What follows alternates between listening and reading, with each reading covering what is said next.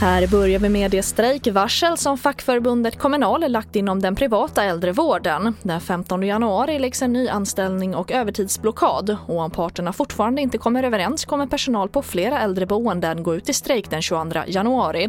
Kommunals krav är samma löneökningar som man fått med de offentliga aktörerna. Det handlar ju framförallt om, om lönerna och det är precis det som Coronakommissionen pekade på. Att man måste höja statusen i de här yrkena så att fler också vill utbilda sig till dem. Och det är därför vi vill göra extra satsningar på yrkesutbildade inom sjukvården och äldreomsorgen. Och de här satsningarna har fått igenom med alla andra som vi förhandlar mot men, men nu har det tagit tvärstopp. Och det sa Tobias Baundin, ordförande på Kommunal.